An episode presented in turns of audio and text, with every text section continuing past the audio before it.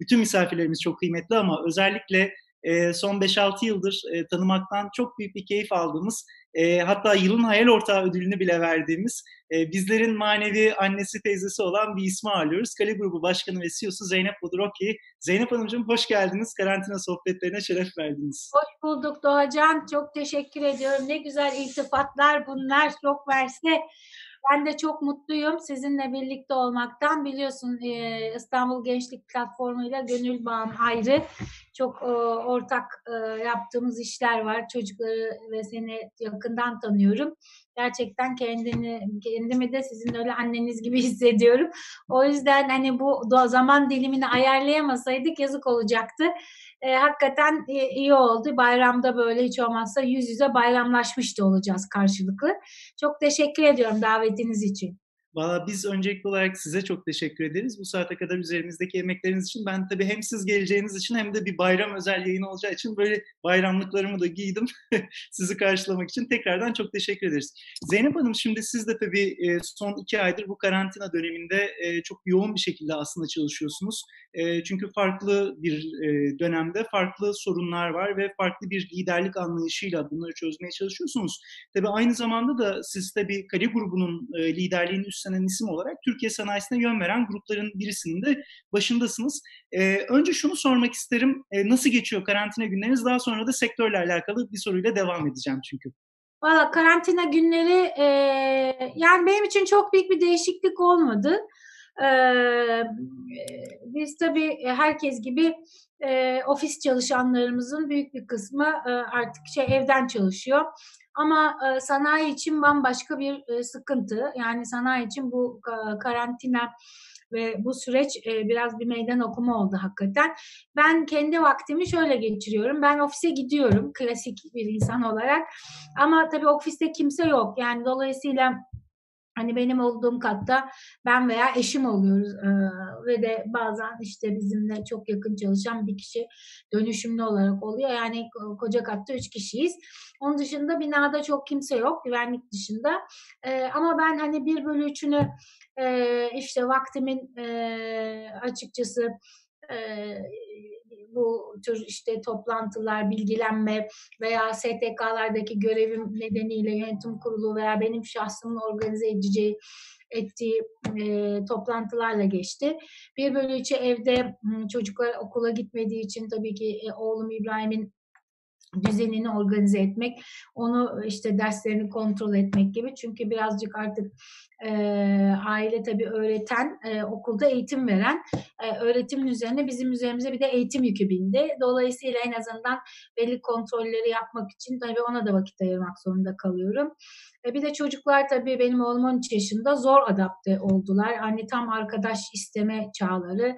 İşte e, çevrelerini istiyor, oyun istiyor. Spor yapıyordu, kulüp kapandı, oraya gidemiyor, enerjisini sarf edemiyor. Dolayısıyla ona adaptasyonda zorluk çekiyor art alıştı hızlı bir şekilde yani dijital ortamda eğitim tarafında bir sıkıntı yok ama yani yaşamı tabii çok kısıtlandı. O yüzden biraz ona işte manevi destek. Bir diğer kısmı da tabii ki işimle ilgili. Dolayısıyla bir bölü üç, bir bölü üç, bir bölü üç vaktimi böldük. Pazartesi günleri toplantı yaptık. İşte o haftayı değerlendirmek ve alınacak olan önlemler, yeni çıkan tebliğleri takibi. Ondan sonra bununla ilgili genel müdürlerimizin kendi özellerinde bizim genel politikalarımız çerçevesinde e, duyurularını yaptılar. Cuma günü de tekrar bir araya gelip e, değerlendirdiğimiz durumu e, ve hani almamız gereken ilave bir önlem vesaire varsa bunlarla ilgili e, bir toparlanma toplantısı yapıyorduk. Bu şekilde aradaki zamanlarda da işte işimizle ilgili tabii ki gene e-mailler, e, işte top, birli ikili görüşmeler, üçlü görüşmeler, yönetim kurulları toplantıları Bizim... on, offline hayatı online'a taşımış olduk. Böyle bir hayat yaşadık yani. Sizin tempo devam ediyoruz. Hiç azalmamış. Hatta aksine benim duyduğum kadarıyla da bu teknolojik imkanlar nedeniyle artık daha da çok çalışıyorsunuz bildiğim Evet kadarıyla. yani ben de kendimi mesela çok adapte olabileceğimi zannetmiyordum ama e, çünkü ben klasik insanım böyle yani e, insanlara dokunmayı severim. Hani etrafımda insan isterim. Hani insan olmayınca etrafımda mutsuz olurum falan. Hani biraz böyle orada biraz hani zorlanırım diye düşünüyordum ama Yani bir yandan da nimetleri de var bu işin. Çünkü hani hakikaten diyorum ki ya bunu biz niye böyle yapıyormuşuz? Yani işte git gel yollarda vakit İstanbul'un trafiği keşmekeşini biliyorsunuz. Yani birçok zaman kazandırıcı hani online'ın etkileri de pozitif faydaları da oldu bize. Dolayısıyla hani bir güne daha fazla iş sığdığı doğru. Bu sene bir de rahmetli babamın tabii 23 Mayıs e, vefat günü. Onun anma şeylerini her sene yapıyorduk. Siz de eksik olmayın katılıyorsunuz. Bunları tabii hiç öngörmediğimiz için başka bir hazırlık yapmıştık. O yüzden hani Mayıs'ın başı öncesinde Nisan'da hani bunu da online'a taşıma fik kararını almış olduk. Açılacak diye bekliyorduk çünkü. Olmayınca işte bunları online'a taşıdık. Tabii onun getirdiği bir dizi aktivite ve hani o geçiş süresini yönetmekle ilgili sık sık işlerimiz oldu. Çok şükür onu da güzel yaptık, anlaş, anlattık, andık. Ee, geleceğe de ışık tutan işler yaptık.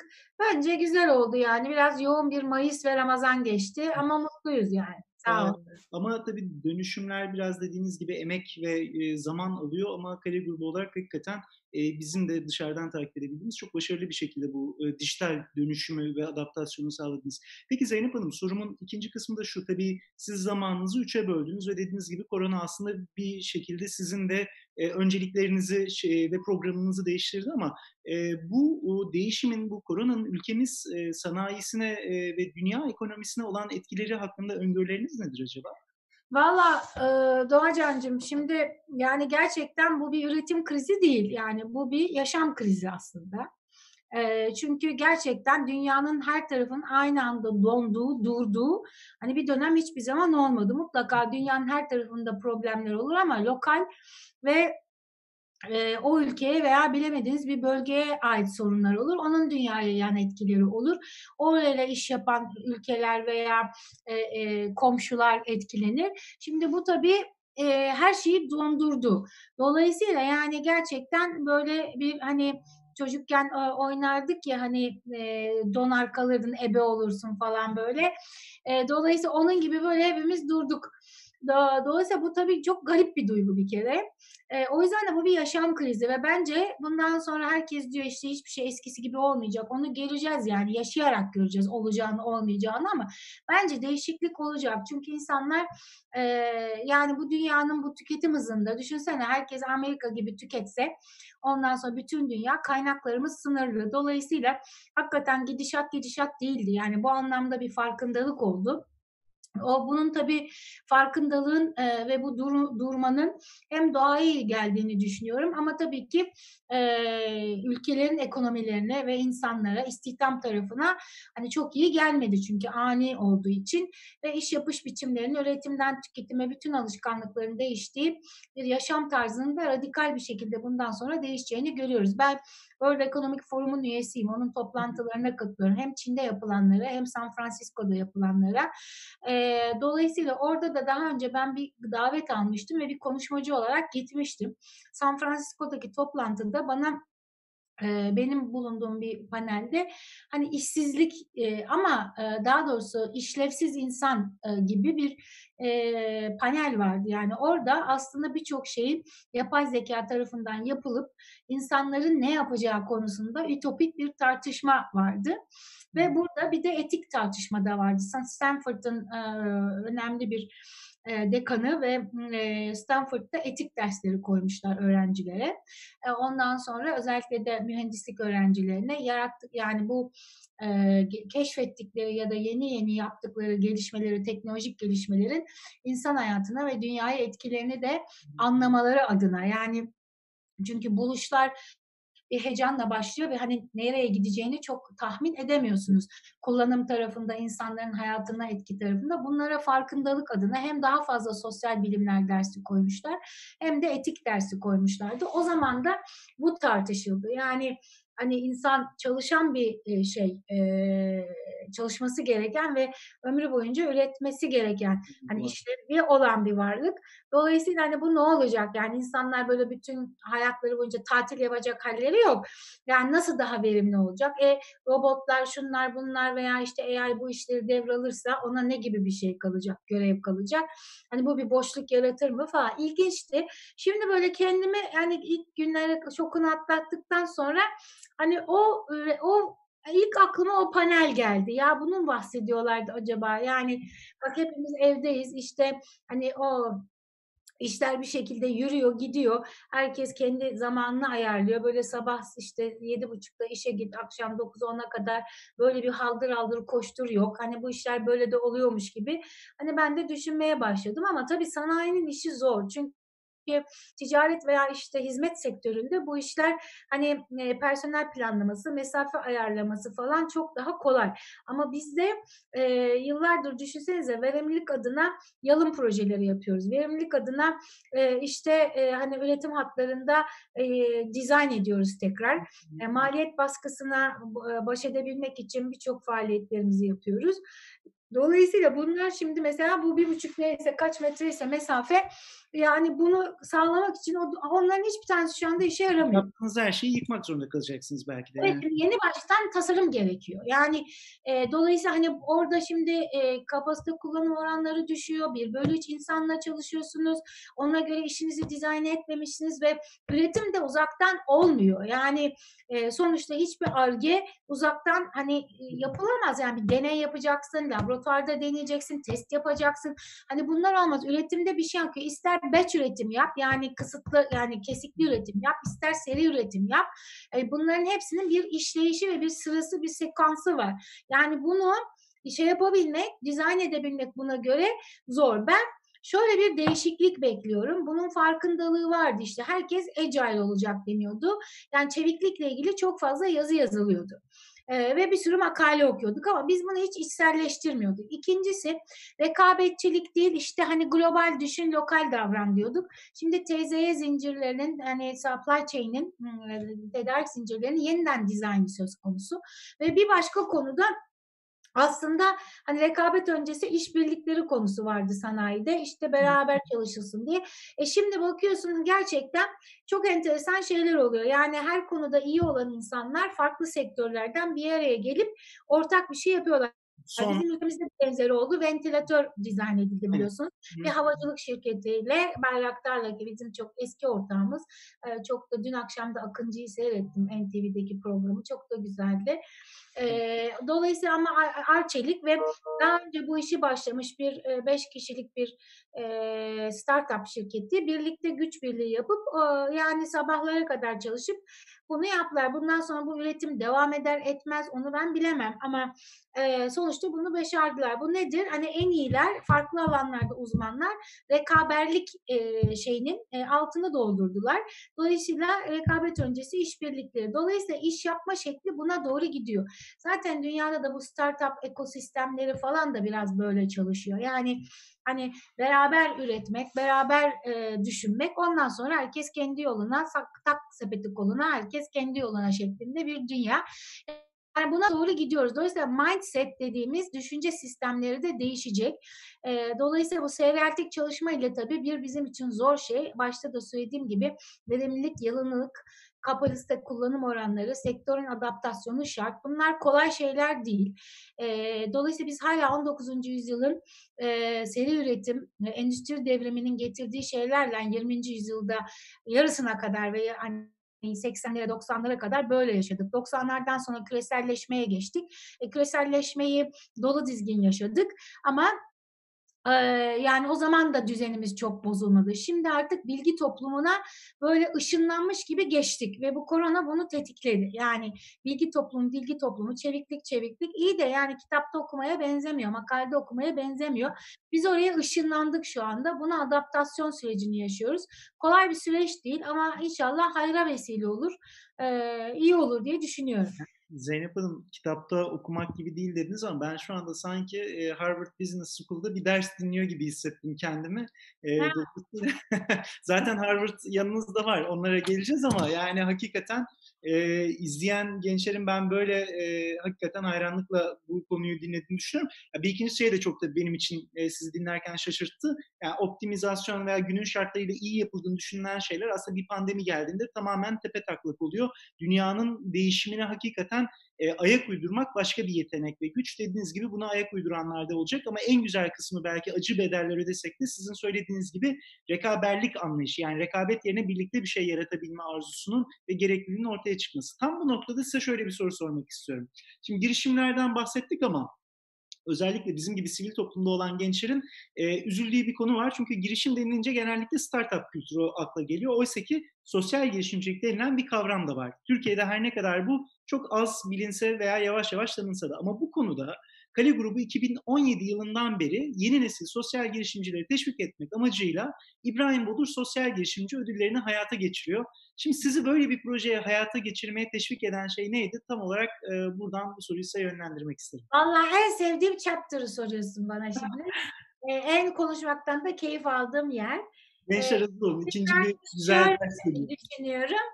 Ee, yani Kale Grubun kurucusu İbrahim Bodur bir defa tek başına hani özgün bir kalkınma modeli oluşturmuş. Yani o gün rahatını bozup Anadolu'ya gidip ki batıda bir ilgilen tabii de sonuçta Çanakkale bugün hani birçok yere göre daha imkanı olan bir yer ama yani o zaman hiçbir şey yok yani. Dolayısıyla yanında bir sürü e, para yok, pul yok, altyapı yok, elektrik yok. Ondan sonra e, insanlar şu anda bile Anadolu'ya gitmek istemiyorlar. Metropollerde çalışmaya gençler tercih ediyor. O zaman o insanları oraya çekmek kolay değil. Yani bir sürü zorlukla uğraşmış ama bütün derdi hani e, Anadolu'nun yani Türkiye'nin kalkınmasının Anadolu'dan olacağını inanmış ve özgün bir modelle hani orada her türlü şeyi kendi elektriği kendi üretmiş. Ondan sonra hatta ilçeye vermiş falan. Yani etrafındakilerle birlikte onlar da demek ki bu davaya inanmışlar ki beraber bu zorluğun üzerinden gelmişler ve bu sanayi kuruluşunu meydana getirmişler. Ben o zaman da gördüm. E, şimdi de görüyorum. Yani bir sanayi kuruluşu gerçekten İbrahim Bey'in bir lafı vardı. E, hani ticaret bireyleri kalkındırır ama sanayi ülkeyi, ülkeyi kalkındırır. Hakikaten bir dönüşümü başlattık ve insanlar sanayiyle tanışınca bölgenin de kaderi değişti. İnsanların hayata bakışı, hayata katılımı, kadınların hayata katılımı, gençlerin eğitime olan e, ilgisi, araştırmaya, mühendisliğe olan ilgisi falan artıyor. Çünkü önünüzde bir örnek görüyorsunuz. Şimdi o yüzden bunun her yere yayılması gibi bir arzusu vardı. Dolayısıyla İbrahim Bey özünde girişimciydi. Bu yüzden. İki, kendine özgü dediğim gibi bir kalkınma modeli vardı. Şimdi ben sosyal girişimcilerde de bir girişimcilik bir defa bir iyilik hareketi asla değil. Bir e, sosyal sorumluluk projesi de değil kurumsal sosyal sorumluluk da değil. Bunu karıştırmamak lazım. Bu insanlar herkes gibi bir e, teknik e, işte ne bileyim AI işi yapan bir startup gibi bunlar da bir startup ve bir girişimci. Girişimcinin başka bir alanı aslında. Dolayısıyla bize çok uyduğunu düşünüyorum. Artı İbrahim Bey'in hani bu kalkınma modelinde bir dava uğruna yapılan bir şey var. Yani para kazanma öncelik değil. Yani kalkınsın, bölge kalkınsın, insanların ayağına iş gitsin, aşk gitsin, istihdam gitsin, bir dönüşüm yaşansın falan. Dolayısıyla bunlar da sosyal girişimcilerde bir toplumsal veya dünyayı ilgilendiren bir problemle ilgili e, çözüm arayan insanlar ve bunu bir sosyal girişime dönüştürüyorlar. Yani bir girişime e, e, şey yapıyorlar. Bundan tabii ki para kazanıyorlar. Ama nasıl hani sahipsiz şirketler var işte çalışanlarına kar payı dağıtırlar falan. Bu arkadaşlarımız da kazandıklarını bunlar da kar amaçlı ama o kazandıklarını ki tekrar bu işe ve bu e, dava uğruna harcıyorlar. Tekrar şirkete e, geri koyuyorlar ve bununla ilgili başka başka projeler başlatıyorlar. İşleri işi büyütüyorlar. Dolayısıyla tamamen bir sos, sosyal fayda yaratma bilinciyle başlatılan bir girişimcilik. Ben bunu çok önemli önemsiyorlar. Dünyanın daha iyi bir yer olması için, gençlere daha iyi bir dünya bırakmak için, bizim e, yaşayacağımız bu dünyada daha sağlıklı bir ortamda yaşamamız için, e, daha bir bilinçli dünya vatandaşı olmamız için bunun çok önemli olduğunu düşünüyorum. O yüzden bunların desteklenmesi gerektiğini düşünüyorum. Dünyada da bir çakıl yeni fikirler var. Yani bu tür kurumlar farklı değerlendiriliyor. Ratingleri var bunun dünyada. Big Company diye mesela. Dolayısıyla bildiğiniz bir sürü bir, birkaç tane iyi firma da var mesela Patagonya vesaire gibi. Bunlar da hani bu şirketler e, yaptıklarını hani bir amaç ve faydaya dönüştürdüklerini ispat ediyorlar ve ona göre şey yapıyorlar. Dolayısıyla 1 lira yerine 2 liraya satıyor ama bunu bir amaç uğruna oradaki bir problemi çözmek için de harcıyor. Dolayısıyla bu sorumlu ve duyarlı liderliğe giriyor. İbrahim Bey'de gördüğümüz bizim sorumlu ve duyarlı bir liderdi. Bizim de sorumlu ve duyarlı bir şirket olmamızı isterdi. Biz de bundan hareketle e, kurulduğumuz günden bu yana o ortamda ondan beslenerek onu rol model olarak yaşadığımız için vicdanlı sorumlu, duyarlı, teknoloji iyilik için kullanan, daha adil bir dünya için çabalayan girişimcilere destekleyelim dedik. İbrahim Bey'in hatırası için yapılmış bir şey.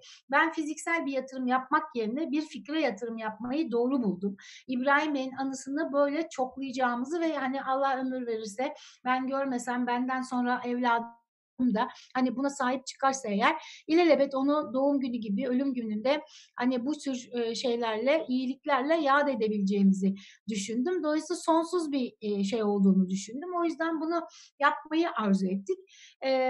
Yani en büyük arzumuz tabii ki bu gönül projemizin hani İbrahim Bodur'a yaraşır şekilde uzun soluklu olması, sürdürülebilir bir etki yaratması ve kalıcı bir iz bırakması.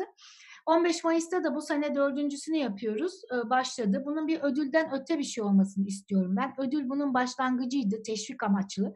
Ama ben hani sosyal girişimcilik ekosistemini e, seviyorum ve dolayısıyla amacım sayılarının artması, ödül vermek değil, ödül onun bir sonucu ama sayılarının artması ve o bu ekosisteme bu anlamda destek vermeyi arzu ediyoruz. E, bu şekilde bir e, düşüncemiz var. İnşallah e, hani artarak, büyüyerek, çoğalarak devam eder diye düşünüyorum. O zaman o zaman buradan e, özellikle bir sosyal girişimi olan e, veya sosyal girişim alanında devam etmek isteyen arkadaşlara İbrahim Budur Sosyal Girişimci Ödülleri'ne bir bakmalarını tavsiye ederim. Çünkü farklı fazlarda farklı ödüller veriliyor ve çok ciddi ödüller ama her şeyden öte tabii verilen maddi ödülün yanı sıra sizin bahsettiğiniz gibi bir ekosistemin paydaşı olmak, sizler tarafından mentorluk alabilmeleri, sizlerin ilişkilerine, sizin onları ortak etmeniz çok kıymetli. Tam bu noktada size şunu sormak istiyorum Zeynep Hanım. Biz sizinle 2014 yılından bu yana tanışıyoruz. E, ve açıkçası e, benim sizi gördüğüm kadar hakikaten şu üçte bir dediğiniz vakit ayırmayı sivil toplum alanına hakikaten e, korona olsun olmasın zamanınızın gerçekten çok önemli bir kısmını sivil toplum kuruluşlarına ayırıyorsunuz. Ve açıkçası şahsen benim de tanıdığım birçok iş insanına göre toplumsal konulara çok önem veren birisiniz. Şunu sormak istiyorum. Toplumsal konulara neden bu kadar vakit ayırıyorsunuz? Bu konuda bir ajandanız mı var?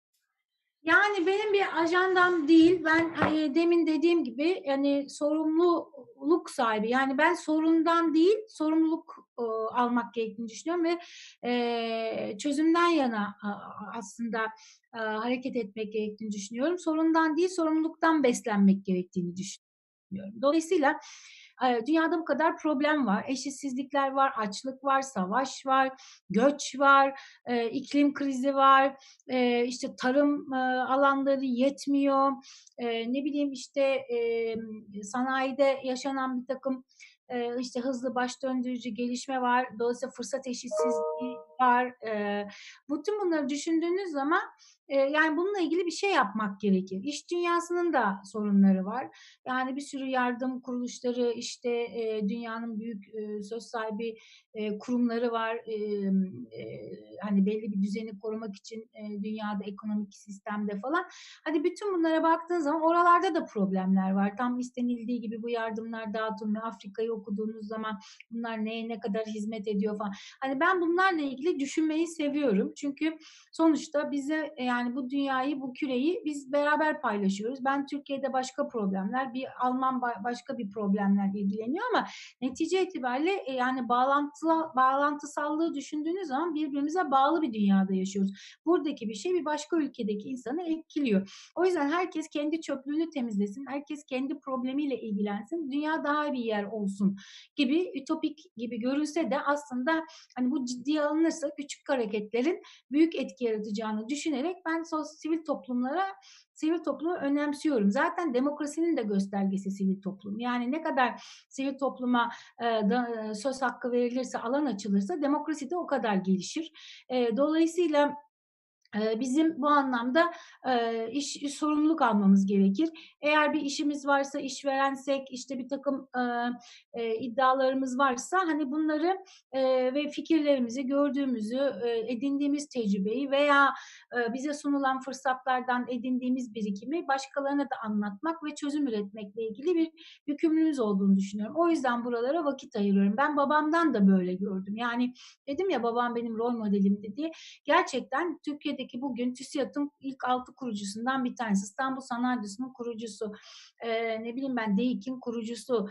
Ondan sonra birçok sivil toplum örgütü ve özellikle iş dünyasının sivil toplum örgütlerinde gerçekten önde gelen ve bu işlere emek vermiş. E, onun dediği gibi su taşıdım derdi.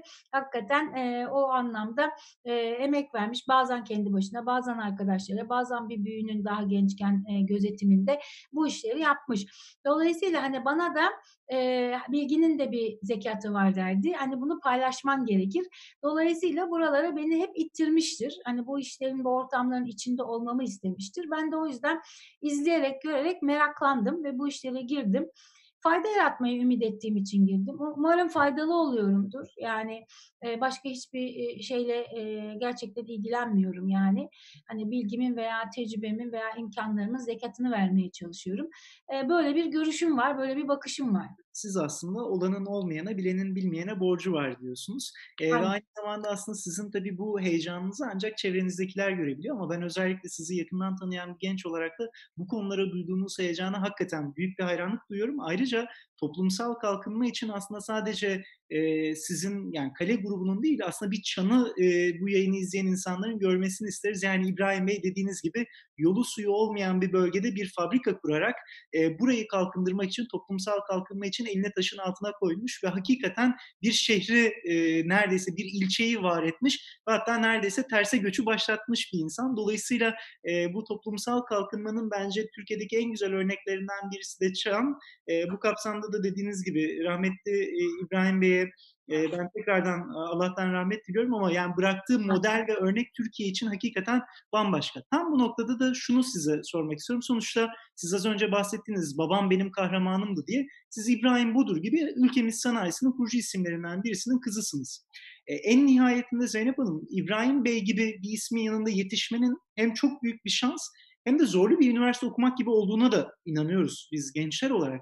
Bu kapsamda İbrahim Bey ile ilişkinizden ve onun yanında yetişmenin nasıl bir süreç olduğundan da bize bahsedebilir misiniz?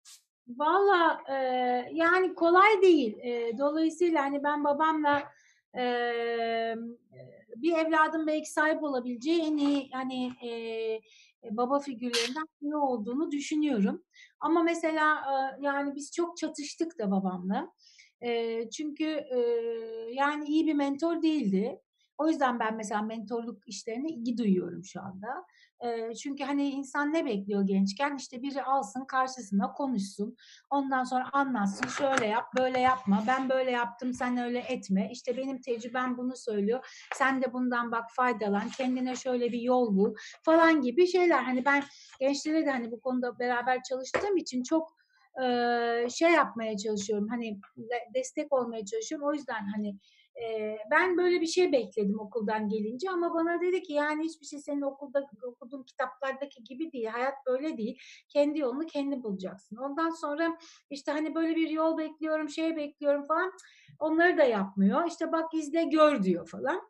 Yani daha çok yaşayarak hani belki de kendine öyle bir şey yapılmadığı için, kendi yolunu kendi bulduğu için hani bir tecrübesi de yoktu yani. Şimdi düşünüyorum hani Hani kimse ona bir şey yapmamış. Hani öyle bir görgüsü de yok yani belki. O yüzden de öyle olmuş olabilir. Hani ben yapayım sen de beni izle kendine göre bir pay biç kendine ve bu, şekilde kendi yolunu bul. Ya ben biraz öyle hani bunu eksikliğini de çok hissettim böyle. Ee, ama yani şu anda bugünkü aklımla kaç sene sonra bak 55 yaşındayım. Ondan sonra e, diyorum ki ya iyi ki de böyle olmuş. Çünkü hani beni zorlamış, sınırlarımı zorlamış. Kendimi ispat etme gayreti içerisinde olmuşum. Gitmişim bir sürü e, hani hata yapmışım. Ondan sonra e, ondan pişman olmuşum. Ondan sonra tekrar hani sizinle başarısızlık e, konferansı yapmıştık ya orada da anlatmıştım. Ya bir sürü hatam var yani. E, ondan sonra hani oradan bir şeyler öğrendim. Hani düşe kalka e, yaralana belirlene bazı şeyleri öğrendim. Hani belki hazır olsaydım bu kadar kıymetli olmazdı. Belki bu kadar e, kendimi belki geliştiremezdim. Bilmiyorum yani şu anda tabii geriye dönüp bakınca ona yorum vermek kolay değil ama hani ben hep e, böyle bir şey ve beni de hep yani atardı böyle denizin ortasına hani yap bakalım yüz bakalım gibi. E, dolayısıyla beklentisini de yüksek koyardı açıkçası. Yani hani bunu da e, böyle yapman lazım işte bekliyorum bunu falan derdi. Yani ondan sonra sağa dönersin sola dönersin hiç kimse yok hiçbir şey yok debelenir durursun yani. Netice itibariyle hani e, benim de böyle fikirlerim oluyor. Onları da beğenmiyor bazen. Ondan sonra ya bu olmaz, bu uygulanmaz, işte bu yanlış, öyle bildiğin gibi değil falan. Yani oralarda çok bayağı bir atışmışızdır yani şirkette. Ama biz hani baba kız ilişkimiz çok şükür Allah sağlıklıydı. Hani birbirimizi çok hakikaten özel bir bağımız vardı. Hani bunu hiçbir zaman özel yaşantımıza da biz yansıtmadık. İşte olan işte kaldı. Hani ben de oradan bir şeyler öğrendim. Kimi zaman kızdım, kimi zaman vay be haklıymış dedim. Şimdi gelince düşününce, geriye bakınca gerçekten de birçok konuda çok haklıymış diyorum. Mesela bazı kararları zamana yayardı. Ben diyordum ki ya niye yapmıyor kardeşim? Niye bundan e, hani karar almıyor yani burada işte bak hepimiz bekliyoruz burada aport. Hani bu işi yapacağız işte hani niye sallıyor diye düşünüyordum. Şimdi mesela ben de bazı noktalarda zamana bırakmayı tercih ediyorum yani. İnsan olgunlaştıkça, yaş ilerledikçe, e, gördükçe bazı şeyleri yani böyle çok can tez olmak e, doğru, doğru da değil çünkü hayatın hani birçok şeyini dengeye gözetmen gerekiyor. O zaman o kararları öyle kolay kolay alamıyorsun. E, etkisini görmeye çalışıyorsun. Belki işte e, paçanı sıvayıp sığ suda yüzüyorsun. Ondan sonra daha büyük bir karar alıyorsun. Hani ben o zaman sizin yaşlarınızda hani bu da oluversin bitsin arkamıza alıp geçelim gidelim önümüze bakalım işimize bakalım diyordum. Yani şimdi onların da doğru olduğunu görüyorum. O zaman çok sinirleniyordum ben. Ve işte her şey hayatta tecrübe. Zaten yaşlanmanın en güzel tarafı bu biliyor musunuz? Tecrübe yani. Peki, hayatınız daha e, geriye dönüp baktıkça anlam katabiliyorsanız yaptıklarınıza işte o tecrübe oluyor ve bence güzel oluyor yani. Peki Zeynep Hanım sizi alsak e, biraz gençliğinize götürsek yani e, sonuçta e, dediğiniz gibi siz İbrahim Bodur'un sizin çok sevdiğin bir sözünüz vardır. Ben onun hem kızı hem oğlu gibiydim e, diyorsunuz. Yani aslında çok ciddi bir tedrisatla yetiştiniz. Çok da ciddi bir eğitimle de yetiştiniz. E, birbirini takip eden iyi lise, iyi bir üniversite, daha sonra yurt dışında yaptığınız e, ekstra master ama şunu sormak isterim. Yani e, sonuçta çok önemli bir sanayi kuruluşun ikinci nesil temsilcisi olarak bu hayata gözlerinizi açtınız. Ya bu da çok büyük bir yük ve önemli bir sorumluluk demek. Bütün bu yük ve sorumluluğunuzun gençliğiniz üzerinde nasıl bir etkisi oldu? Yani Zeynep Bodrokyay olarak nasıl bir gençtiniz? Yani normal bir gençlik yaşadım ben. Yani öyle yani çok mesela imkanlarımın da farkında değildim. Yani babam öyle bir baba değildi. Ee, dolayısıyla hani kurallarımız vardı, evin kuralları vardı e, ve hani hayattan beklentiler vardı. E, daha çok değerler üzerine kurulan bir hayatı vardı babamın. Dolayısıyla bizden de hani affetmediği şeyler onlardı. Mesela o değerlerin sahip çıkılması ve onlardan taviz vermezdi. Yani ufak tefek şeyler onlara başka şeylere e, çok takılmazdı. E, dolayısıyla hani öyle bir hayat gördüm, öyle bir örnek gördüm. E, o yüzden de çok kolay olmadı. İşte o olmaz, bu olmaz, bunu yapamazsın, bunu edemezsin. İşte şöyle düşünmen lazım, böyle yapman lazım. Hani e, şey Ama yani... siz de çok kararlı bir gençmişsiniz Zeynep Hanım. Yani ben bazı hikayelerinizi biliyorum. Yani kafanıza koyduğunuzu da hakikaten yapmak için sonuna kadar da mücadele ediyordunuz galiba. Ama mutlaka tabii yani e, mesela hani ben ilkokul bitirdim işte bizim zamanımızda LGS'ler şimdi ilkokuldan sonraydı, 5. sınıf sonraydı. Yani orada da mesela ben epey bir özel okula gitmiştim. Hatta senin okuldan işte hafta sonunda İstanbul Erken kursları ya da Galatasaray'ın vardı. Ben İstanbul Erken kurslarına gitmiştim. Ondan sonra işte İstanbul Erkeğe girdim sınavına. Diğer e, işte kolejler neyse onların sınavlarına girdim. Şimdiki gibi de kolej bolluğu yoktu o zaman. Çoğu işte bu yabancı misyon okullarıydı. E yani bir, bir, epey bir kısmını da kazanmıştım aslında.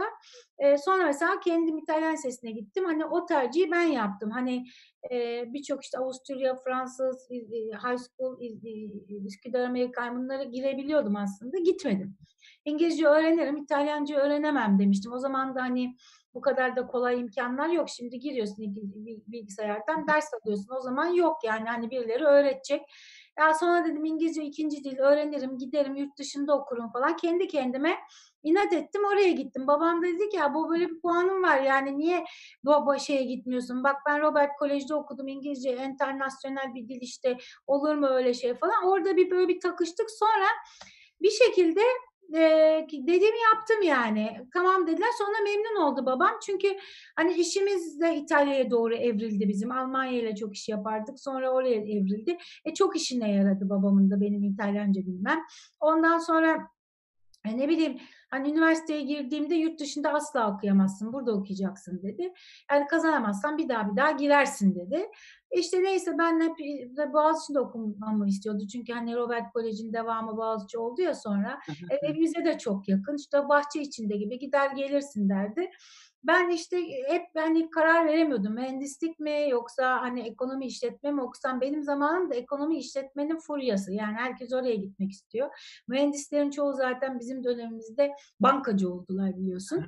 Ondan sonra e, yazdım falan ama e, sonradan dedim ya ben bir de bunu tutturamazsam hani full baştan aşağı Boğaziçi yazıyor. Kamu yönetimi şudur bu da ya ben dedim hani e, hani hiç istemediğim bir şeyde de okumak istemiyorum. Ondan sonra e, gece yarısı değiştirdim İTÜ'yü yazdım ve İTÜ'yü kazandım. Babanızın haberi yoktu ama galiba. Ondan sonra babam orada da dedi yani dedi gittim burnunun dibindeki okula değil de bak puanın da tutuyor dedi çok bölüme. Hani niye oraya gittim falan. Ve bir hafta küstü falan. Ondan sonra İTÜ'nün balosu vardı orada balıştık.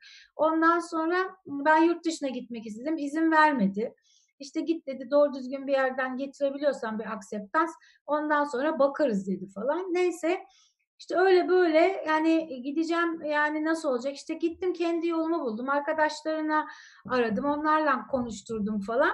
E, dolayısıyla e, şey e, yani bir şekilde işte sonra Amerika'ya gittim Harvard'a gittim e, yani öyle biraz uğraşarak e, hani emek sarf ederek öyle bir şey çok kolay vermezdi.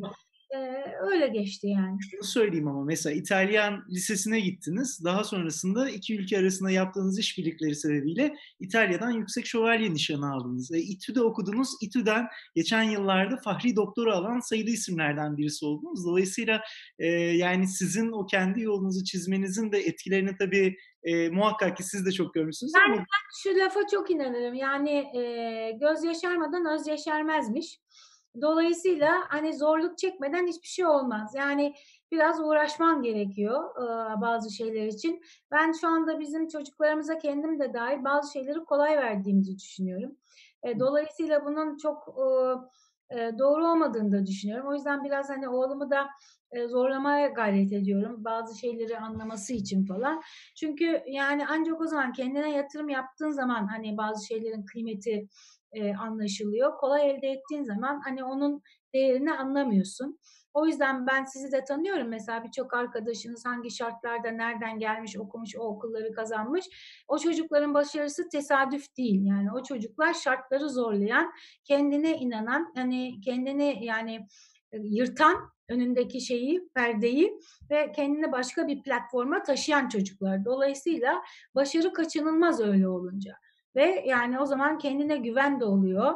E, açıkçası e, Dolayısıyla pardon bir telefon girdi. Ondan sonra yani başarı da kaçılmaz oluyor. Kendine özgüven de e, kaçınılmaz oluyor. O yüzden hani bunun doğru olduğunu düşünüyorum. Emek verilmeden, göz yaşarmadan hiçbir şey olmuyor yani. Göz yaşarmadan öz yaşarmıyor. Muhteşem bir söz. Peki Zeynep Hanım, şimdi baktığımız zaman e, biliyorsunuz Türkiye'deki en önemli konulardan birisi de hiç şüphesiz ki cinsiyet eşitliği. Yani bu konudaki sorunlar, sıkıntılar. Ama şimdi sizin mesela sıfatınıza, sıfatlarınıza bakıyoruz. Şimdi siz mesela İstanbul Sanayi Odası'nın meclis başkanlığını yapıyorsunuz. DEİK'te yönetim kurulu üyeliğiniz var. Türkiye Avrupa İş Konseyi'nin koordinatör başkanlığını yürütüyorsunuz. C20'de dönem başkanlığı gibi birçok aslında önemli görev üstlendiniz, üstlenmeye de devam ediyorsunuz. Şimdi siz bu tarz bu kadar önemli görevler üstlenirken bu konuda herhangi bir ön yargıyla karşılaştınız mı? Veya genç kadın girişimcilere bugünkü tecrübeleriniz dışında vermek istediğiniz bir tavsiye var mı? Valla yani ben e, toplumun yarısı kadın.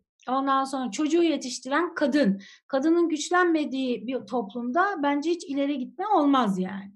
E, dolayısıyla hani kadının e, e, hem e, yani toplum hayatına katılması hem ekonomik hayata katılması e, yani illa çalışması değil ama eğitimi ve farkındalığının olması bunlar önemli şeyler. Yani o yüzden ancak bu şekilde bir toplum geleceği yakalayabilir diye düşünüyorum. Çünkü bir çocuk işte doğuyor annenin kucağına.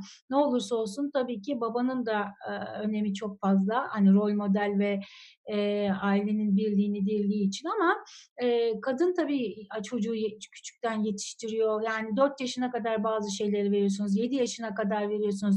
Hatta işte hani artık daha zihnin gelişmesi şimdi psikologlar veya işte doktorlar söylüyor 11-13 yaşına kadar. Yani o dönemde çocuk daha çok anneye bağlı.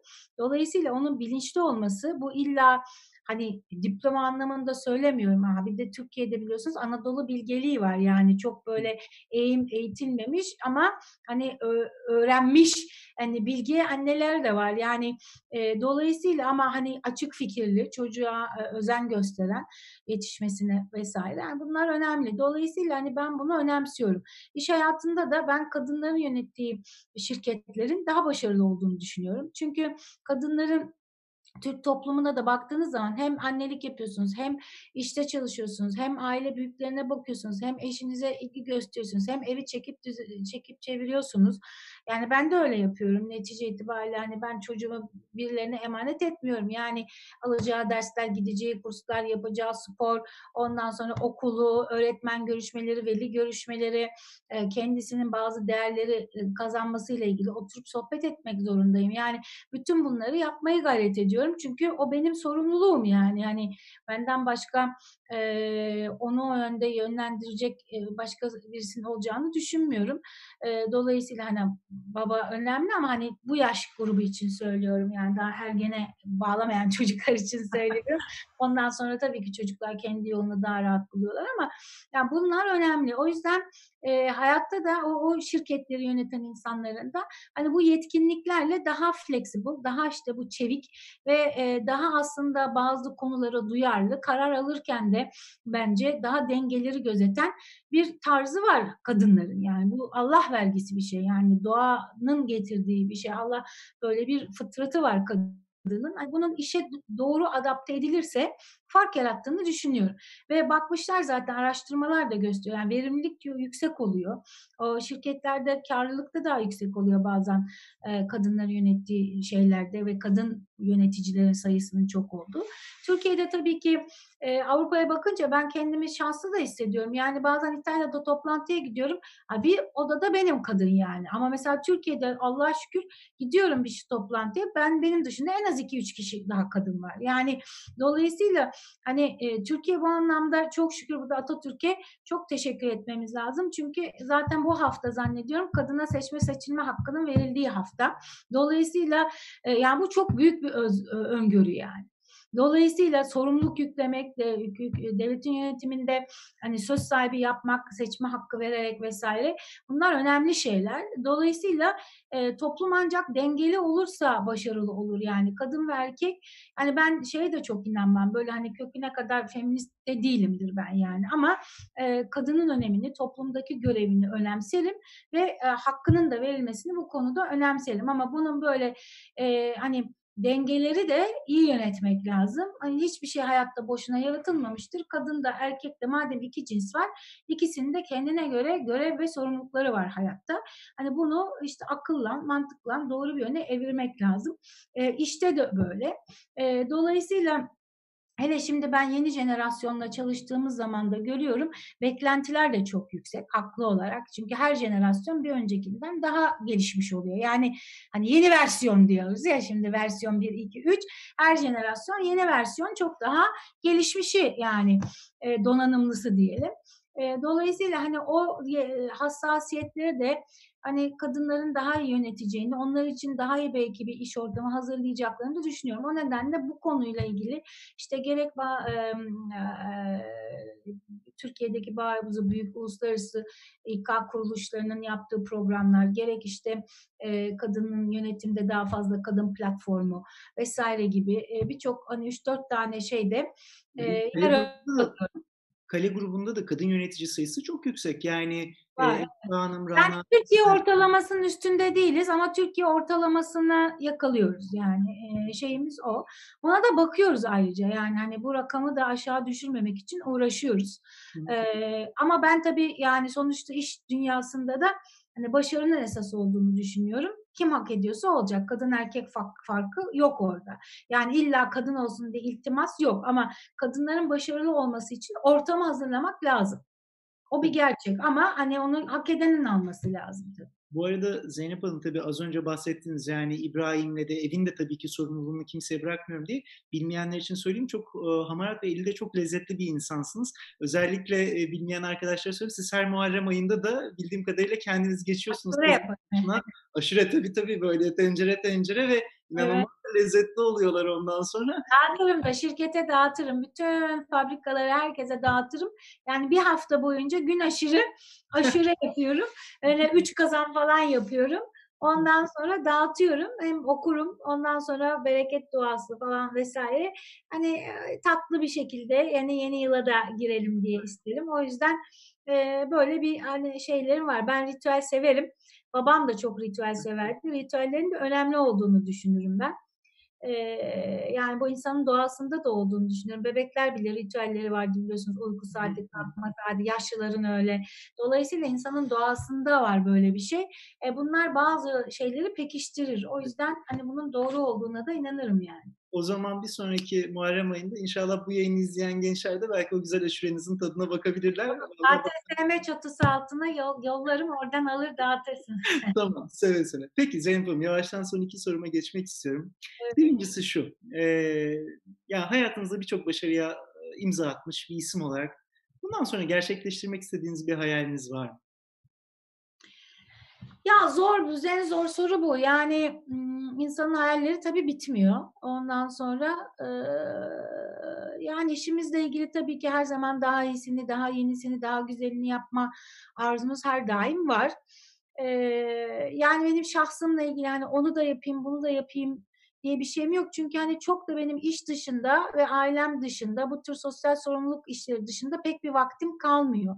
Yani eskiden daha çok hobiye vakit ayırıyordum. Biraz onu yapamıyorum artık. Hani işte yani mesela eskiden fotoğraf çekerdim, işte dalardım e, falan hani su altı e, şey falan meraklıyımdır falan ama onlara mesela çok artık vaktim olmuyor, yapamıyorum. Hani öyle bir hani belki kendime daha fazla vakit ayırsam diye düşündüğüm zamanlar oluyor. Ee, ama hani bundan da memnunum. Bu böyle tempoyu da kaptırdım gidiyorum. Hani bu da bana bir çünkü iş hani alandan alana geçince de hani bir insan değişiklik oluyor. Yani işte işten STK'ya, STK'dan eve geçtikçe böyle yani onlar da bir şey oluyor. Yani o anlamda belki biraz daha bir şey yapabilirim. Daha fazla gezip görebilirim. Yani vakit ayırabilirim. Hani iş için değil de şimdi yaptığım şey hani bir seyahate gittiğim zaman bazen işte hafta sonuna gelirse bir iki günde hani cumartesi pazarda eğer daha önce gitmediğim bir yerse hani biraz işte o, o şehri gezmeye çalışıyorum. İşte bir iki yer görmeye çalışıyorum falan. Hani öyle biraz hani ufkumu geliştirmeye çalışıyorum. Ee, öğrenmenin sonu yok çünkü. Ee, ama hani böyle çok böyle kendimi, hayatımı, zamanımı yönetebildiğim hani e, çok da planlayabildiğim bir şey değil. Çünkü hani toplumda hep beraber çalışıyoruz. Herkese uymak zorundasınız. Ee, bazen vaktimi o kadar iyi yönetemediğimi de düşünüyorum açıkçası. Ee, onun dışında tabii ki hani daha iyi projeler, daha güzel şeyler yapmak isteriz ama e, e, bence hani dünya da bundan sonra çok hızlı değişecek. Belki işte yeni alanlara girmekle ilgili bir takım hani düşünceler var ama hani bunlar şu anda nasıl olur, nasıl biter hepsi bir fikir seviyesinde. Dolayısıyla yani çok şükür bugünümüze sağlıklıyız, çalışabiliyoruz. Hani tabii ki ileriye dönük beklentileriniz var. Benim hiçbir zaman öyle çok hani kendim şuyum da olsun buyum da olsun hani çok maddi şeyler beklemedim ben. hani Allah çok şükür imkanım doğduğu için tabii böyle bir yokluk da hissetmedim. Yani buna da nankörlük olur yani tersini söylemek ama hani benim için de o kadar şey değil. Yani ben böyle birilerine dokunabiliyorsam, bir fayda yaratabiliyorsam bundan çok büyük haz alıyorum. E, o yüzden hani e, bu şekilde hayatımızı e, yaşıyoruz.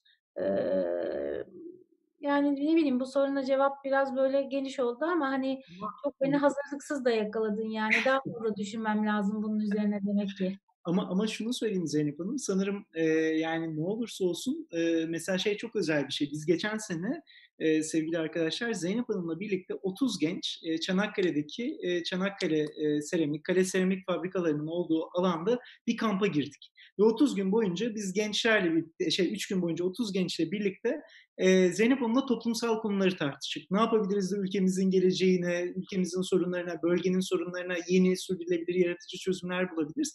Dolayısıyla sanırım ileride ne olacaksa siz yine toplumsal alanda da çalışmalar daha da artacak. Bu arada çok güzel de bir yine haber vereyim. İbrahim Budur Sosyal Girişimci Ödülleri gibi sizin bu sene imza attığınız çok önemli bir proje var. O da şu, e, rahmetli İbrahim Budur'un e, İstanbul'daki ilk ofis binasının olduğu binayı Arap Camii'nde hatta bize de ev sahipliği yapan binayı siz bu sene Kale e, Tasarım ve Sanat Merkezi olarak da renove edip e, yeni sanatçılara ve e, tasarımcılara orayı da açtınız. E, bu da şimdi başlı başına aslında çok büyük bir adım. Türkiye'de sanatın ve tasarımın gelişmesine bu denli önemli bir katkı sunmak. Sanırım ama önümüzdeki dönemde bizi de orada çok e, özel ve e, güzel projelerde bekliyor olacak diye düşünüyorum. Evet yani o beni mesela besleyen bir şey. Deminki sorunun da devamı olabilir. E, akıllı çocuksun bak beni e, uyardın doğru. Yani ben o, o şimdi benim dedem derdi ki evladım annemin babası rahmetli Şeref dedem köksüz hiçbir şey olmaz derdi. Durur durur onu söylerdi. Ondan sonra hakikaten öyle. Şimdi bizde babamın ilk ofisi orada bir küçük bir hanın bir odasıymış. Ondan sonra işte o bölgede iki tane evi almış. Ondan sonra orayı e, ofis binası haline getirmiş. İşte ilk bizim merkezimiz. Şimdi ben böyle köklerime bağlıyım. Dolayısıyla hani orayı böyle e, satmadık, etmedik. Kendi e, bir süre arşiv oldu. Bir süre satış bölümü bir, biraz orada çalıştı falan. Ben dedim ki ya bunu kalıcı bir şeye getirelim. Şimdi Perşembe Pazarı Arap Camii'nin dibinde işte çok güzel şeyler oluyor falan. Hani oraya böyle bir sanata, tasarıma, e, mimariye, hani e, toplumsal hani konulara sahip çıkacağımız bu sosyal girişimciliğe yuva olsun. Dolayısıyla oraya gelsin insanlar tartışsın, e, zengin, zengin fikirler oluşsun. Bunların içerisinden üçü beşi yapılmayabilir ama bir ikisi belki hayat bulur falan. Dolayısıyla yani biz sadece seramik sanatını destekliyoruz sanatta, sanat alanında. Tabii hepsini seviyoruz ama hani bir yer hepsine yetişemeyeceğimiz için onu seçiyor, seçtik. Hani ikincisi e, işte bu tasarım bizim için önemli. Çünkü hani bir mühendislik şirketlerimiz var, işte ARGE şirketimiz var vesaire. Hayatın her alanında tasarım yapıyoruz. E, seramikte de yaptığımız şeyler tasarım ürünü netice itibariyle estetik tarafı da var. O yüzden tasarım ekosistemini sahipleniyoruz. Bir de sosyal girişimciliği sahipleniyoruz. E, tasarım derken tabii hani e, yenilikçi endüstrilerin tamamını söylüyorum ben işte e, o anlamda hani sadece e, ürün tasarımı değil ama hani sistem tasarımı vesaire hepsi bunun içerisinde. E, mimari bizim tabii ki ilgilendiğimiz bir alan. Hani bunlara böyle bir e, alan olsun. Orada bu tür kıymetli insanlar gelsin, fikir anlatsın, yeni fikirler, yeni oluşumlar oluşsun. Güzel bir yer oldu. Orada evet sizin de bir yeriniz var. E, mimarhanenin bir yeri var. E, Siz söylemiyorsunuz ama çok güzel projeler de önümüzdeki dönemde inşallah gençleri ve bütün toplumu bekliyor. E, ve hani o binanın dönüşümüne şahit olmak böyle bir adıma bizlerin de e, içinde bir yer alabilmesi çok mutlu etti. Bu arada izleyen genç arkadaşlarıma da şöyle küçük bir hatırat söyleyeyim. Biz tabii bu dönüşüm yaşanmadan önce bir sivil toplum kuruluşu olarak önce kolilerimizi koyacağımız bir yer sizden istedik. Siz önce bizi orada kabul ettiniz. Tamam çocuklar koyabilirsiniz diye. Sonra dedik ki ya Zeynep Hanım bu kolileri koyuyoruz ama çalışacak da bir ofise ihtiyacımız var.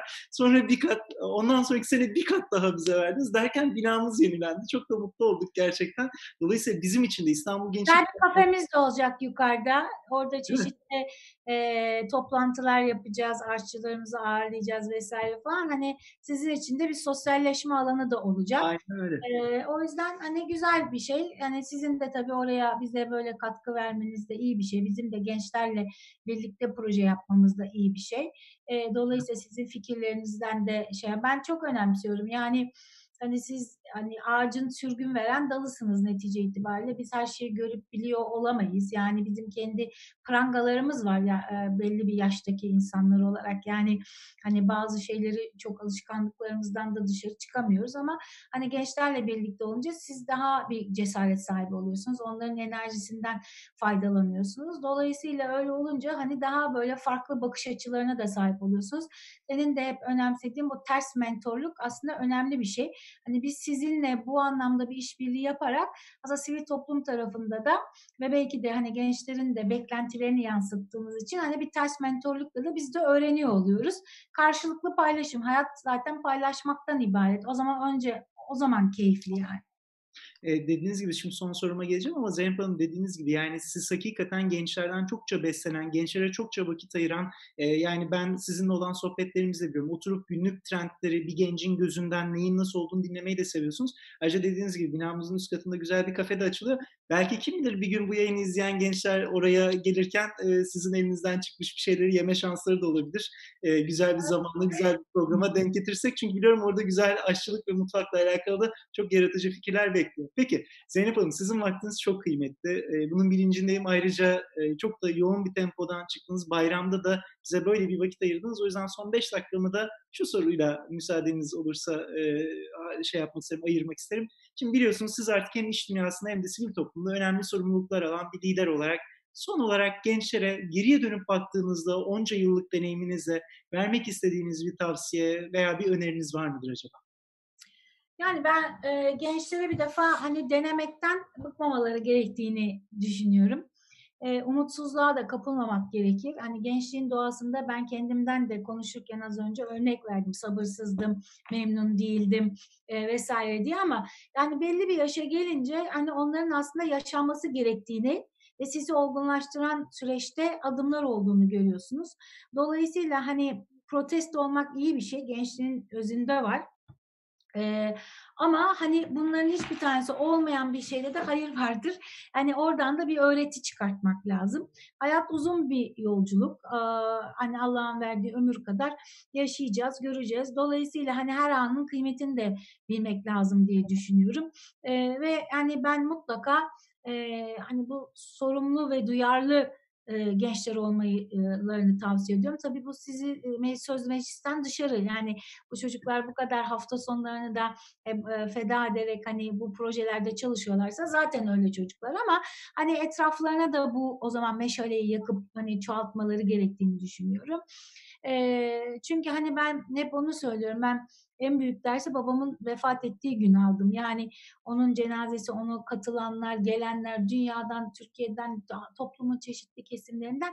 Yani iz bırakırsanız hayatta anlamlı bir hayat yaşıyorsunuz. Hani sonuçta bu dünyada geçici e, ve giderken bir iz bırakmak bence yapılabilecek en önemli şey. Kimseye işte ne kadar parası vardı, ne götürdü, ne yaptı falan bunlar sorulmuyor. Ama hani kime ne kattı? Yani siz bir işte arkasından ölenin yani bana ne yaptı, ne etti hep değerlendirirken işte şunu da yapardık, bunu da yapardık, bunu da ederdik. Hani o gün başka şeyler konuşulmuyor. O yüzden anlamlı bir hayat sürmek önemli.